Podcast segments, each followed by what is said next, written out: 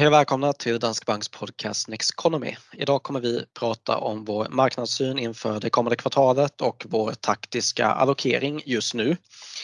Så vi fokuserar helt enkelt på vår senaste house view i dagens avsnitt, i hela avsnittet. Och eh, vi börjar som vanligt med att eh, prata om eh, utvecklingen den senaste tiden, kanske framförallt på aktiemarknaden men också på räntemarknaden för den är kanske mer intressant att diskutera än den har varit på många år. Mm. Så vad har hänt? Ja, men vi har ju haft en, en höst där det inleddes med ganska branta kursfall med start någonstans från augusti och eh, sen så bottnade ju börsen i slutet av september och, och sen dess har vi haft en, en positiv börsutveckling då. Så att eh, både Stockholmsbörsen och andra globala marknader har hämtat in en del av tappet sen den här botten då och tittar man på ett globalt aktieindex så har det sen, sen det bottade i september stigit med drygt 11 procent. Stockholmsbörsen upp ungefär 16 procent sen botten. Eh, så det har varit en ganska kraftfull återhämtning. Sen årsskiftet då så är fortfarande globala aktier ner 13 procent eller 3 procent om man tittar på det i svenska kronor så att kronan har ju varit en rätt bra stötdämpare som räddat mycket avkastning. Men man får ju ändå säga att det här har varit ett turbulent börsår med eh, stora kursrörelser och eh, jag tror att som investerare så har man lätt kunnat kastas lite grann mellan hopp om att oron är över och eh, förtvivlan när börsen i perioder har eh, gått ner ganska brant. Och det har ju varit mycket av det som hänt på räntemarknaden då med kraftigt stigande räntor som har legat bakom utvecklingen och det är också sjunkande räntor som har föranlett både det börsrally vi såg under sommaren men också den här uppgången vi sett den senaste tiden. Eh, och då är det ju sjunkande räntor och, och hopp om att centralbankerna snart ska pausa som har gjort att, att aktiemarknaden har fått ett lyft helt enkelt. Mm. Och vi har ju varit inne på det tidigare under året också. Jag inser att de här sakerna vi pratar om idag, vi har egentligen gjort separata avsnitt kring de här sakerna under hösten här. Vi har pratat om den eh, starka dollarn till exempel och vad det har gjort för avkastningen. Vi har pratat om värderingar.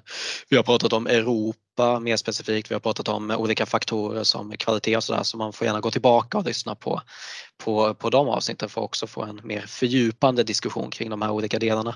Men, men det man kan se är ju, alltså precis som du var inne på, räntan har ju bidragit mycket, det har styrt mycket vad som har hänt på börsen under året. Så vi har ju sett att värde har gått bättre än tillväxt under året. Och vi har också kunnat se att när räntan har kommit ner igen då har, det, har tillväxt börjat gå bättre. Och det där har gått fram och tillbaka. Och samma sak om man kollar på volatiliteten i marknaden. Om man kollar på VIX-index till exempel så har det också eh, påverkats eh, ganska mycket av räntan och såklart inflationsutfall och sådär.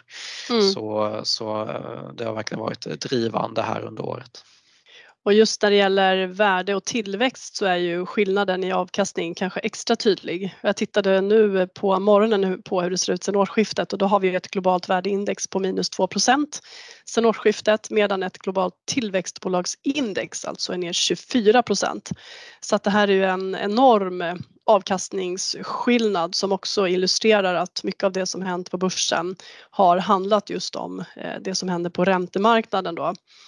Eh, men skulle vi blicka framåt lite grann då, vi kommer tillbaka till det, men då ser vi ju en risk för att när räntorna nu börjar toppa ur och vi har kanske majoriteten av ränteuppgången bakom oss och möjligtvis även toppen så kommer ju fokus skifta från eh, liksom vad som händer med aktiekurser, värderingar och positionering och sådär när räntorna stiger till vad som faktiskt händer med den underliggande ekonomin, med bolagsvinsterna och med efterfrågan. Så att det kan påverka andra delar av marknaden mer negativt framöver och det skulle mm. då kunna föranleda att vi kan få se lite större kursrörelser framåt igen. Då. Mm. Som sagt, ekonomin går ju in i ett skede där tillväxten taktar av och vi förväntar oss att vi går in i en recession under nästa år och eh, då är det ju också så att eh, vinsttillväxten bland bolagen kommer att tappa så eh, det kommer då få effekt på börsutvecklingen. Alltså om räntan har styrt börsutvecklingen i år så kan man kanske anta att vi går tillbaka och att bolagens vinster kommer styra mer under nästa år. Då. Ja, och hur vinsttillväxten utvecklas brukar ju vara ganska tätt förknippat med börsutvecklingen när man ser över lite längre tidsperioder. Så att får vi då se dels vinsterna sjunker men också marginalerna komma ner betydligt så kan ju det sätta press på aktiemarknaden. Och man kan ju ändå sätta det i perspektiv då för att kollar vi på hur det sett ut under pandemin så nådde ju både vinster men också bolagens lönsamhet historiskt höga nivåer. Så att det som först såg ut att bli en djup kris som skulle slå hårt mot företagen visade sig ju faktiskt sen eh, vara någonting som gjorde att många bolag nådde nya toppar både på börsen och, och vinster och försäljningsmässigt. Och det har varit starkt även under första halvan av 2022. Men nu när vi då börjar se att eh, efterfrågan dämpas i ekonomin och även att man har börjat sänka vinstförväntningarna kommande år så eh, tror vi att det här är en trend som kommer fortsätta och att vinstförväntningarna kommer behöva komma mer, ner mer. Det har skett lite grann på toppen som sagt men det finns en risk att vi kommer behöva se förväntningarna justeras mer med upp till 20 procent och eh, det tror vi då eh, också kan föranleda att det blir mer eh, oro på marknaden och sen mm. även marginalerna då som har varit väldigt höga. Bolagen har varit extremt lönsamma men i det här läget då där konsumenterna pressas av hög inflation och stigande räntor så blir det tuffare för företagen att skicka de här kostnadsökningarna som man fortfarande ser vidare till slutkunder och eh, då kommer det börja äta sig in i lönsamheten eh, istället då. Så att eh, mm. det här är två stycken saker som vi tror att mer fokus kommer ligga på när vi kommer in i 2023. Ja, och eh, då kan vi också se då om man kollar idag att värderingarna har kommit ner från toppen i början av året eh, och eh, det där är ju såklart positivt för att det ökar den förväntade avkastningen på riktigt lång sikt. Men däremot då om det är så att förväntningarna på vinsterna också skruvas ner så kommer det ju göra att då, då kommer inte de här P-talen se lika attraktiva ut. Och eh, vi har ju pratat om det där tidigare men på kortare sikt så brukar ju börsen styras kanske mer av momentum och då är det kanske både momentum i bolag och momentum i ekonomin. Och på längre sikt så brukar det vara snarare en, en mean reversion man får se, alltså att om värderingarna har kommit långt ifrån något historiskt snitt så brukar ju börsen stiga igen eller sjunka beroende på vart det har gått. Jag läste boken More than you know av Michael Movisin för ett tag sedan och han skriver där att man inte har sett något samband mellan ett P tal i början av året och avkastningen de kommande en till två åren. Och det där pratade vi om i ett tidigare avsnitt men däremot så finns det flera studier som visar på att eh, KAPE, alltså ett lågt KAPE-tal, det kommer ha en effekt på vad avkastningen kommer att vara på lång sikt. Eller samma sak ett högt då. Så eh, ja, det kan vara bra att ha med sig. Men som sagt, sjunkande vinster kanske gör att de här värderingarna som har kommit ner inte ser så attraktiva ut i det korta perspektivet. Mm. Värderingarna har ju kommit ner för alla marknader men eh, allra mest för Europa och tillväxtmarknader. Dock kan man väl tycka att det är rimligt med tanke på att de är mer konjunkturkänsliga och det finns större risk för vinsttapp där. USA är ju som vanligt lite högre värderat än andra marknader men det kan vi också tycka att eh, det går att motivera. Dels är marknaden mindre konjunkturkänslig men sen har vi också den här höga andelen kvalitetsbolag som är lönsamma med starka balansräkningar och som brukar kunna vara den typ av eh, bolag som klarar sig bäst under en recession. Så att eh, därav högre värderingar för amerikanska aktier fortfarande. Mm. Och om vi går vidare och pratar om ekonomin då så som sagt vi förväntar oss att vi går ner i en global recession under 2023 även om den kanske inte blir jättedjup. Men eh, och ett sånt här vanligt eh, fenomen som man brukar titta på för att försöka prognostisera eller förutspå recessioner det är ju den här eh, inverterade räntekurvan och den har ju inverterat i år. Man brukar ju normalt sett, eller ja, ganska ofta i alla fall, kollar man på den här tvåårs Eh, och 10-årsräntan i USA. Det är väl den mest vanliga som det brukar rapporteras om.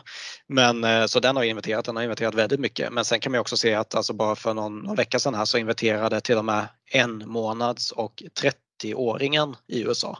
Så det, det är helt extremt, det har bara hänt vid ett fåtal tillfällen tidigare. Så eh, ja, det, det, det skriker recessionsindikator det där eh, just nu. Mm. Ja men det gör ju det och det finns ju annat som pekar neråt också. Tittar man på inköpschefsindex då till exempel som är en, en slags momentumindikator för tillväxten i ekonomin så har ju ett globalt inköpschefsindex nu fallit ner under det här viktiga 50-strecket som markerar skillnaden mellan positiv tillväxt och negativ tillväxt. Så att det var nere eh, under 50 nu senast här. Och Eh, tittar man då ner på regionsnivå så ser det ju tuffare ut exempelvis för Europa där vi har sett branta fall i orderingången i industrin till exempel medan USA länge hållit emot bättre. Så att det ser lite olika ut i olika delar av världen. Men gemensam motvind för ekonomin får man ändå säga är dels att inflationen är förhöjd i stora delar av världen och det har ju gjort att centralbankerna då som också har gemensamma mål, 2 eh, inflationsmål, de har höjt räntorna kraftigt så att globalt har vi fått en penningpolitik som på kort tid under ett år har blivit väldigt mycket stramare med kraftigt höjda räntor och minskade inflöden eller till och med utflöden av likviditet på marknaden som också har bidragit då till svagare risksentiment och eh, generellt mindre stöd för, för aktier. Mm. Sen så har vi ju eh, andra tecken, alltså om man tittar på bostadsmarknaden till exempel Eh, som är en ganska tidig konjunkturindikator till skillnad från arbetsmarknaden som tenderar att släpa. Men bostadsmarknaden visar ju tydliga svaghetstecken. Vi ser ju för svensk del hur bostadspriserna fallit till följd av stigande räntor och svagare eh, konjunkturutsikter, lågt, lågt sentiment hos hushållen.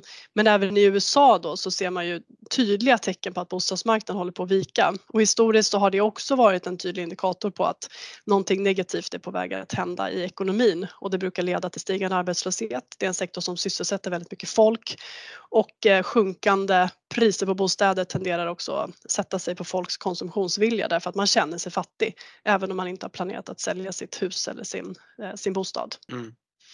Och om vi ska gå vidare och prata lite om hur en recession har påverkat börsen så eh, kan man ju ändå, vi är ju alltid inne på det här med att det gäller att vara långsiktig och att inte få panik oavsett vad som händer både på börs och i konjunktur. Men om man kollar på historiskt då så alltså även om man har fått en recession i ekonomin så är det inte säkert att börsen alltid har fallit. Alltså i eh, ungefär hälften av de senaste recessionerna sedan 1948 i USA så har börsen faktiskt stigit.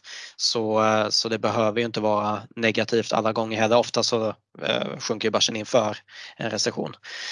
Men, eh, men i alla fall, vi, vi kommer prata mer om hur man ska då eh, positionera sig inför en recession eh, senare. Men, men vi går i alla fall in i en del av konjunkturen där aktier tenderar att gå sämre Eh, den delen, alltså om man kollar på en recession så är det den delen där aktier går sämst och det är också den delen då eh, obligationer går som bäst. Mm, precis, så att hur ekonomin utvecklas under nästa år blir ju därför väldigt viktig för vilken typ av tillgångslag som kan tänkas eh, prestera bra respektive dåligt.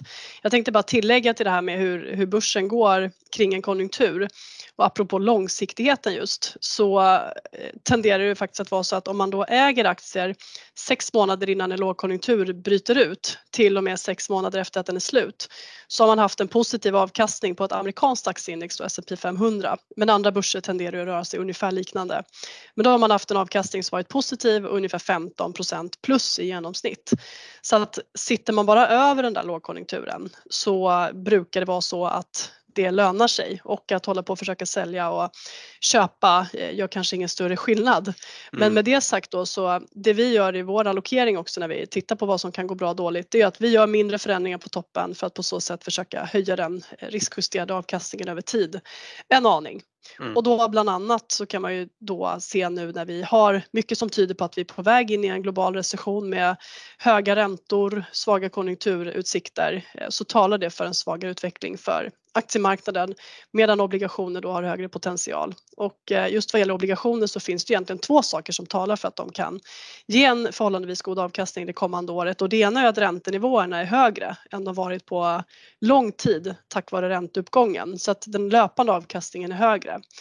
Men dessutom så väntar vi oss att räntorna på något års sikt ska kunna falla tillbaka lite grann, kanske särskilt de långa räntorna när konjunkturutsikterna försvagas och det ger ju då en positiv eh, kurseffekt för investerare. Så att det finns egentligen två saker som talar för att obligationer har blivit lite mer intressanta än de har varit på lång tid faktiskt. Mm. Och sen bara tillbaka till det här med börsen och recession, alltså en orsak till varför då börsen kan fortsätta att gå bra eller den kan gå bra om man kollar då från början av en recession till slutet eller från sex månader före till sex månader efter. Det är ju på grund av att eh, börsen brukar ligga före ekonomin.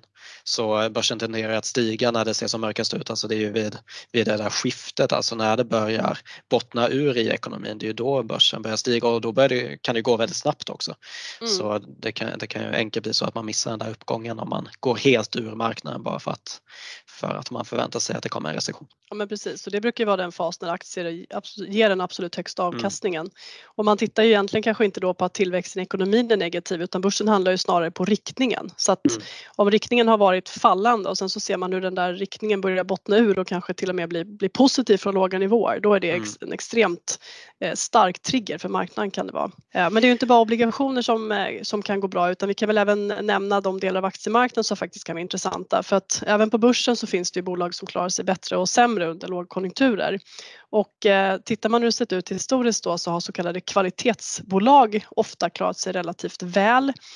Och det här handlar ju om bolag som ofta är marknadsledande med hög lönsamhet, eh, stabila kassaflöden, relativt okänsliga för konjunkturen och tillväxten drivs främst av andra underliggande trender och sen så har de ofta starka balansräkningar då.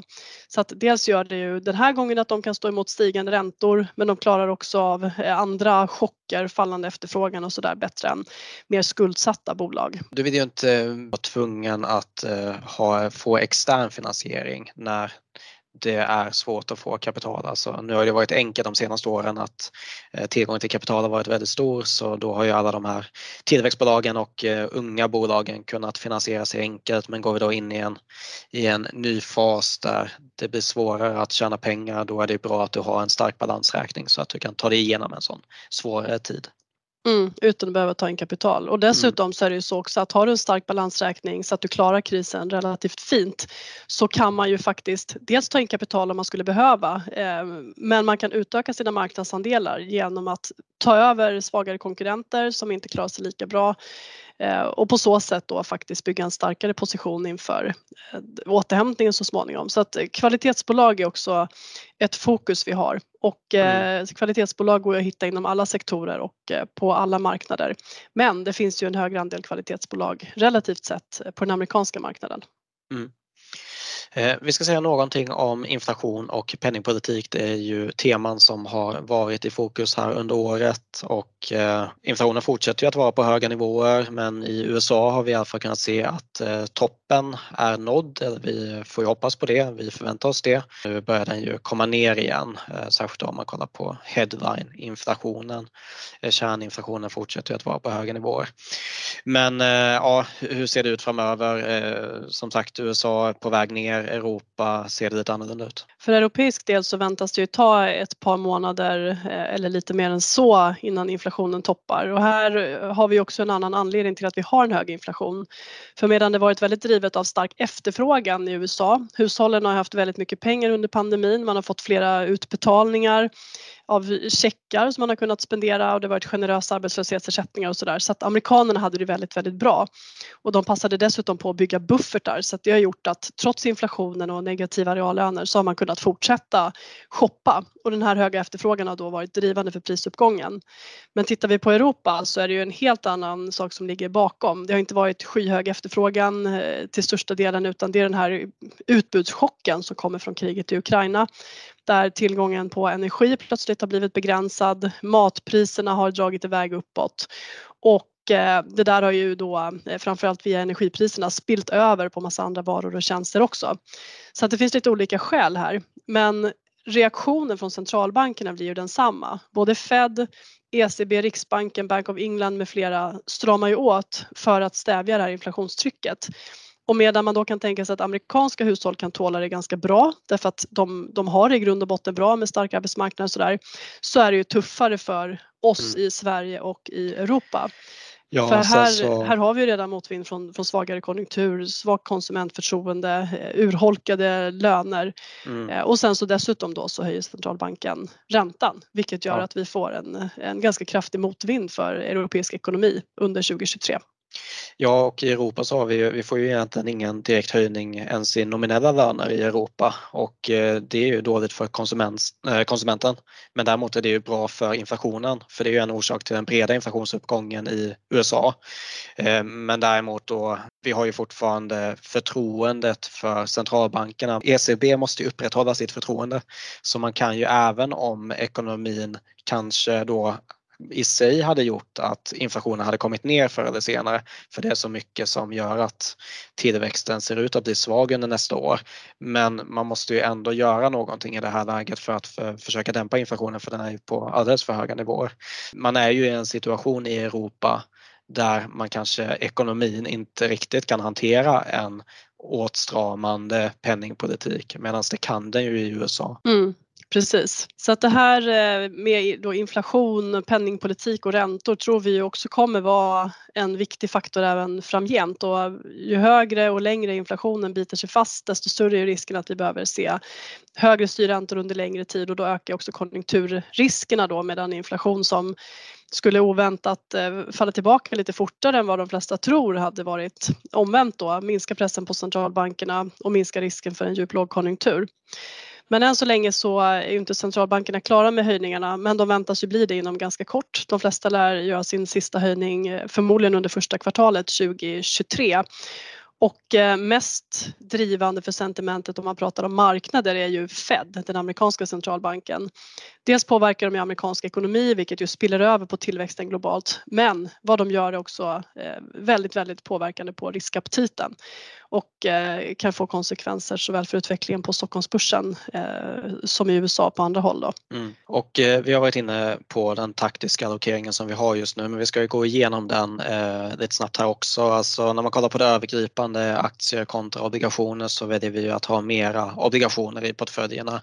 I dagsläget så har man då en portfölj med 50% aktier och 50% räntebärande så ligger vi på 55-45 till förmån för obligationer. Den står vi kvar vid Eh, och eh, om man går vidare sen så vi var inne på det här då med Europa kontra USA och det är så vi, vi ligger i allokeringen också så vi har ju en övervikt i USA och en undervikt i Europa. Mm, precis. Ja, men det här, den här börsoron som vi har upplevt till och från i år tror vi ju inte är över ännu just på grund av press på vinster och marginaler. Eh, vi har stigande räntor och osäkerhet kring inflation och sådär. Och det syns tydligt att konjunkturen mattas av så att risk för press på aktiemarknaden på nytt då innan det här är klart. Och sen så har vi ju det här läget då med eh, stigande räntor som visserligen har gjort att avkastningen på räntebärande i år har varit negativ men som å andra sidan gör att det ser mer intressant ut att faktiskt ha en lite större obligationsportfölj framöver. Och den relativa tryggheten man får då eh, kombinerat med bättre avkastningsmöjligheter än tidigare tycker vi ser mer intressant ut. Mm. Så att det handlar inte bara om den, den lite negativa synen på aktiemarknaden utan faktiskt också att det finns ett alternativ. Så det här TINA, there is no alternative som jag pratat om i tio år eh, är ju inte någonting som det snackas om överhuvudtaget längre utan det finns faktiskt alternativ och de är inte eh, så tokiga som vi har vant oss vid att tycka mm. under hela den här perioden sedan finanskrisen då.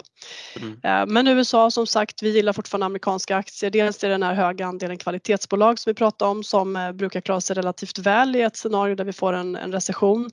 Men sen så har vi också en relativt stark amerikansk ekonomi och den har ju förblivit stark betydligt längre än vad vi har sett på andra håll och arbetsmarknaden med låg arbetslöshet, det är förhållandevis lätt att få jobb, löneökningar på 5% i årstakt som gör att smällen mot reallönerna inte är lika stor, hushållen har buffertar att spendera och sådär. Och sen så befinner sig USA också på behörigt avstånd från kriget i Ukraina och de här höga eh, europeiska gaspriserna. Medan då amerikanerna istället snarare gynnas av att oljepriset har kommit ner en hel del. För det funkar ungefär som en, en skattesänkning för eh, gemene amerikan och det stimulerar också konsumtionen då. Mm. Så att eh, USA är den aktiemarknad som vi fortfarande föredrar i den här börsmiljön. Ja precis och eh, som du är inne på det, där då har vi USA som är en marknad, eh, dels då ekonomin är ju mer kvalitet i sig men också bolagen på börsen är mer kvalitet och sen så fokuserar vi alltså på kvalitetsbolag i USA och även då i Europa med den exponering som vi har kvar i Europa. Och sen om man går över till eh, den räntebärande delen av portföljen så fortsätter ju det här fokuset på kvalitet för om man kollar på hur det ser ut över hela portföljen så väljer vi att ha en övervikt i investment grade obligationer. Det är alltså företag obligationer med hög kreditvärdighet. Och sen har vi då en undervikt istället då i high yield och i tillväxtmarknadsobligationer och eh, också en övervikt i eh, svenska stats och bostadsobligationer som ju också får anses vara kvalitet eh, om man kollar på hela portföljen. Så, så samma sak i räntebenet och där har vi också i, ett, i den typen av index har vi något högre duration, alltså vi väljer att ha lite mera duration i portföljerna än att bara ligga i korta räntor. Mm, precis, så att vi ökar helt enkelt ränterisken lite grann och det gör ju att portföljen blir mer känslig för hur räntorna rör sig. Så att eh, har vi då potentiellt eh, skulle få ett ränteuppställ till så är det negativt men det mer troliga som vi ser det, det är ju att räntorna globalt kommer falla tillbaka lite kommande år då. Eh, just därför att konjunkturutsikterna försvagas och även om inflationen kommer ligga en bit över målet under en tid framöver så tror vi ändå att den gradvis kommer falla tillbaka. Om inte annat så av rent tekniska skäl. Och så när man tittar på inflation i årstakt så jämför vi prisnivån idag med prisnivån för ett år sedan. Och för att vi ska få samma procentuella ökning så måste ju priserna fortsätta stiga väldigt kraftigt framöver också. Och den bedömningen gör ju varken vi, centralbanken eller någon annan eh, prognosmakare. Så att sjunkande inflation ändå, även om det dröjer lite innan den är tillbaka på målet. Och det här talar då för att också långräntorna ska eh, så småningom börja dippa neråt lite grann. Mm. Och det kommer i så fall ge en positiv kurseffekt om man har lite längre duration i sin portfölj, vilket vi alltså tycker att man då kan ha för tillfället. Så att ta lite ja. risk där istället för i, i aktiebenet. Ja, och samma sak att inte ta risk i krediter. Alltså, vi väljer ju att ha investment grade, alltså high yield är ju då de här företagen med lägre kreditvärdighet och är det då att vi så att vi går in i en recession så är det troligtvis så att en del av de här företagen kommer eh, tvingas ställa in sina betalningar. Och eh, den där motpartsrisken vill vi ju inte ha, alltså den där höga risken i DBn. Och samma sak då med tillväxtmarknadsobligationer de eh, har ju en motvind nu i och med att vi har en så stark dollar, vi har stigande räntor i västvärlden vilket också gör att eh, en motvind för tillväxtmarknaden, de ska betala eh, sina skulder i dollar och i ja, utländska skulder. Då. Så vi tar inte så mycket risk i de hög, högriskobligationerna heller. Mm. Och samma sak gäller ju egentligen då om man tittar på sektorsstrategin. För där har vi också fokus på defensiva sektorer på aktiemarknaden som då påverkas i mindre grad av hur den globala ekonomin mår. Och då är det ju dels hälsovård och dagligvaror som är eh, saker vi konsumerar oavsett konjunkturläge. Vi kanske byter ut en sak mot en annan men, men vi tar fortfarande våra mediciner och mat behöver vi ju äta. Och sen också utilities då som är kraftförsörjning. Det är en, en sektor med eh, stora bolag med stabila balansräkningar, eh, stabila kassaflöden och höga utdelningar som vi också ser som eh, intressant och eh, som kan gynnas också av att räntorna toppar ur då. Sen har vi en undervikt i de bolag som är exponerade direkt mot konsumenter och som redan har känt av den här inbromsningen väldigt tydligt och då handlar det bland annat om sällanköp där eh, många bolag har upplevt att eh, konsumenterna kraftigt lagt om sina konsumtionsmönster redan under det här året. Också kommunikationstjänster då och sen har vi också undervikt i materialsektorn som dels missgynnas av höga energipriser, den är energiintensiv och där vinsterna då sjunker när inflationen avtar. Det är en sektor som gynnas av stigande inflation Eh, och missgynnas av eh, sjunkande inflation. Då. Den är relativt lågt värderad men eh, vi bedömer att motvinden från energipriser och sjunkande priser på många råvaror kommer att vara viktigare framöver. Mm. Bra, då har vi gått igenom vår taktiska allokering i dagsläget mot bakgrund av den marknadssyn som vi har just nu. Vi eh, släpper det här avsnittet eh, nu, sen så kommer vi släppa ett avsnitt till innan vi tar eh, ett litet break här över nyår.